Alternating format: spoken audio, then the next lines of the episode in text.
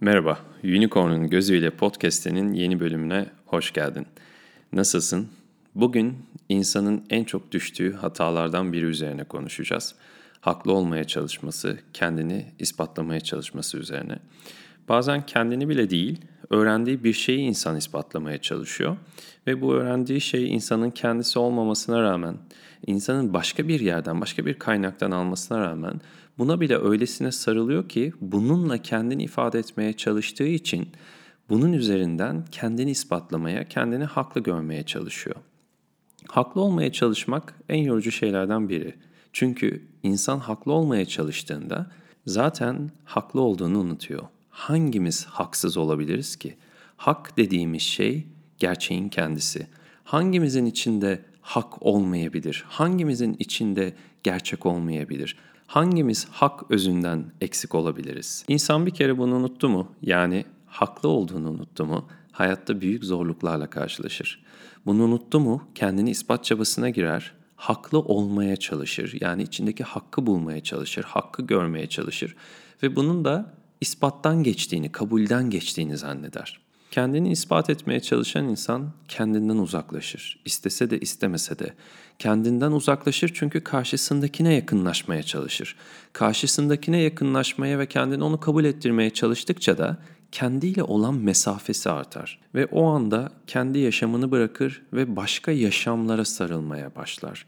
Ve bu da insanın varlığının, mutluluğunun zayıflamasına ve kendini eksik hissetmesine sebebiyet verir. O kadar çok şey anlatıyorum, yazıyorum kitaplara veya podcastlerle, YouTube'la ama ispat edecek hiçbir şeyim yok. Söylediğim hiçbir şeyin senin için doğru olmasına gerek yok. Söylediğim hiçbir şeyin başkası için gerçek görünmesine gerek yok. Tek bir şeye gerek var. Söylediğim her şeyin, yaptığım her şeyin hakkını verebilmeme. Yani bir şeyi söylüyorsam, bir şeyin içerisindeysem, bir şeyi paylaşıyorsam ve o şeyin hakkını verebiliyorsam, o şeyi her hücremde yaşayabiliyorsam işte hepimiz için tek önemli olan şey bu. Zaten ben bütün bu anlattıklarım değilim ki. Ne ben kendime kendimi ispat edebilirim ne de bildiklerimle, anlattıklarımla, olduklarımla bu işte benim diyebilirim. Ben dediğimiz şey zaten bunların hepsinin ötesinde. Bütün bu bildiklerimiz, konuştuklarımız, yaşadıklarımızın içine sıkışmaya çalışırsak ben dediğimiz şeyin ne olduğunu unuturuz. Bunların hepsi bir form, yaşamın bir formu. Ama asıl özümüz bütün bu formların ötesinde formsuz bir halde. Ve bir kere bunu anladığınızda yaşam ispat edilebilir bir şey değil. Haklısı haksızı olan bir şey değil. Sadece olunabilir bir şeye dönüşmeye başlar. Ve olmaya başladığınızda yaşam zaten mutluluk ve keyifle doludur, huzurla doludur, dengeyle doludur. Olmaya çalışmak dengeyi bozmaktır. Olan insan zaten dengededir.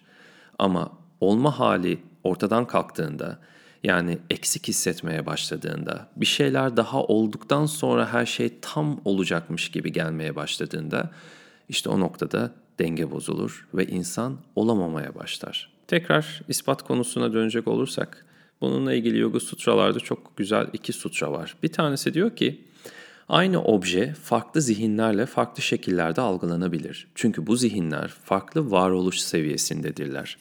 Yani her zihin kendi varoluş seviyesine göre objeyi farklı deneyimler. Böyleyse zaten birbirimize bir şey ispat etmeye çalışmak onun varoluş seviyesine saygı duymamak demektir. Senin anladığın şeyle benim anladığım şey aynı olmak zorunda değil ama bu farklılığa saygı duymak zorundayız. Çünkü ikimizin gerçekliklerinin ihtiyaçları birbirinden farklı olabilir. Ve doğal olarak bunları farklı algıladığımızda da farklı davranışlar sergileriz. Ne de olsa davranışlarımız zihnimizle alakalı. Zihin neyi nasıl algılarsa, nasıl bilgiler elde ederse o bilgilerin sonucunda bize bir davranış şekli sunar. Kimi insan için inek kutsaldır ve ineğe tapar. Kimi insan içinse inek kurban edilmesi gereken bir şeydir ve keserek kurban eder. Bunlardan biri doğru, biri yanlış bir davranış içerisinde değildir. İkisi de kendi zihinsel varoluş seviyelerine göre kendi doğrularını uygularlar. İkisi de hak içeren davranışlar gerçekleştirir. Çünkü başta da söylediğim gibi Hiçbir şey yoktur ki içinde hak yani gerçek olmasın. Var olan her şey, her davranış, her obje içinde aynı özü, aynı mevcudiyeti taşır. Bundan dolayı var olan hiçbir şey haksız olamaz. En tehlikeli yoldur hakkaniyet yolu. Onun hakkı, bunun hakkı derken bir de bakmışsın daha önünü göremeyen gözlerle Tanrı'nın koltuğuna oturuvermişsin. O günah işlemiş, bu sevap işlemiş, o haklı, bu haksız diye insanların tepesine çıkıvermişsin. Tehlikeli çünkü insan kendini haklı zannettiğinde sanki başkası haksızmış gibi gelmeye başlar. Oysa hatırlamak lazım. Her şey haklıdır. Her şeyin içinde hak vardır. Ve bir sonraki sutra da şunu söyler. Bundan gelerek, bu bilgiden gelerek. Hiçbir obje hiçbir zihne bağlı değildir. Eğer öyle olsaydı o zaman obje o zihin tarafından deneyimlenmediğinde o objeye ne olurdu? Yani o haksız gördüğün şeyler sen olmadığında ne olurdu onlara? Haksız mı kalırdı? Kişiye göre obje varlığını sergilemez. Kişiye göre kavramlar varlığını sergilemez. Hepsi özünde aynı hakkı taşırlar, aynı gerçeği taşırlar. Sadece bir oyun hamuru gibi kişi bunları alarak kendi evreninde bir yerlere yerleştirir. Kendi gerçekliğinin içinde onlara bir vazife verir ve böylelikle kendi yaşam deneyimini oluşturur. Ama günün sonunda her objenin varoluşu kişinin onu algılayışından özgür olarak varlığını gösterir. Kişi zihin seviyesine göre objeyi renklendirir. Bu objenin doğasını kaybetmesine sebep olmaz. Sadece o kişinin zihninde farklı şekillerde deneyimlenmesi durumunu ortaya çıkarır. Böyle olmasaydı içinde bulunduğumuz gerçeklik zaten devamlı olarak yıkılıyor olurdu. Çünkü her insan birbirinden farklı zihin seviyelerinde var olmaktadır. Nasıl olur da o zaman aynı gerçekliğin içinde mevcut olabilirdik ki? Bunu şöyle düşün, obje onu algılayan zihinlere bağlı olsaydı birinin gördüğü diğerinin gördüğüne eş olmayacaktı. İçinde yaşadığı gerçeklik de paylaşılamaz olacaktı. Bu farklı algılamalardan dolayı kişi sanki sürekli halüsinasyonlar gören bir grup insanla bir arada yaşıyormuş gibi hissedecekti. Aslında her birimiz birbirimizin gerçekliğine çok büyük bir saygı duyarak var oluyoruz. Bundan dolayı aynı gerçekleri görüyoruz, sadece farklı yorumluyoruz. Kendi evrenimizi ortaya çıkarabilmek için yorumlu bir algı katıyoruz. Ve bu yorumlu algıya saygı görmediğimizde veya saygı göstermediğimizde de çatışmalarımız başlıyor, ayrılıklarımız başlıyor. İşte yoga da tam burada devreye giriyor.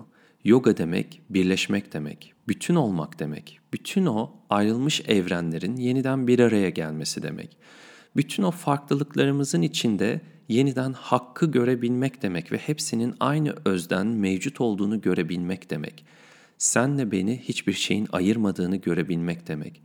Aynı ortak paydada buluşmak demek değil aynı olmak demek, aynı öze sahip olduğumuzu fark etmek demek. Ve böyle bir durumda da işte bir bedenin içindeki hücreler gibi koskoca bir evrenin içinde birlik olmak, birlikte var olmak demek.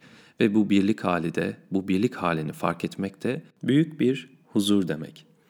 Çatışabiliriz, çekişebiliriz ama hiçbiri birlikte olmak kadar bize güç ve huzur getirmez. Birlikten kuvvet doğar, ve şunu da unutmayalım, bizim bunu fark etmiş olmamız demek, karşımızdakinin de bize böyle davranması gerektiği anlamına gelmiyor. Bizim karşımızdaki kişiyle bir hissetmemiz, zaten onun bütün davranışları içinde de birliği gördüğümüz anlamına gelir. Yani ben herkese karşı birlik içerisinde hissediyorum ama onlar bana karşı böyle değil diyorsan, işte burada ayrılığı gören sensin. Az önceki söylediğim şey, sen farklı bir zihin varoluş seviyesinde olduğundan dolayı onların da seninle birlik içerisinde olduğunu göremiyorsun demektir. Bir arada olmak demek birbirine çok iyi davranmak demek değil, birbirini mutlu etmek demek değil. Bunu bedenin hücreleri gibi düşün.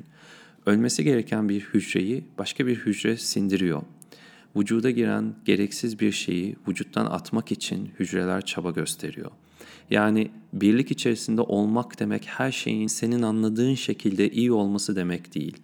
Birliğin içinde öldürmek de var, doğmak da var, hediye vermek de var, çalmak da var. Bunların hepsi birliğin içinde.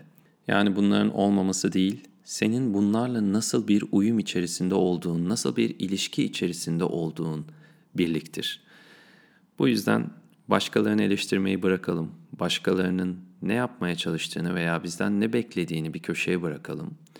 Ve biz her şeyle nasıl uyum bulabileceğimize bakalım. Çünkü huzur ancak uyumla gelebilir.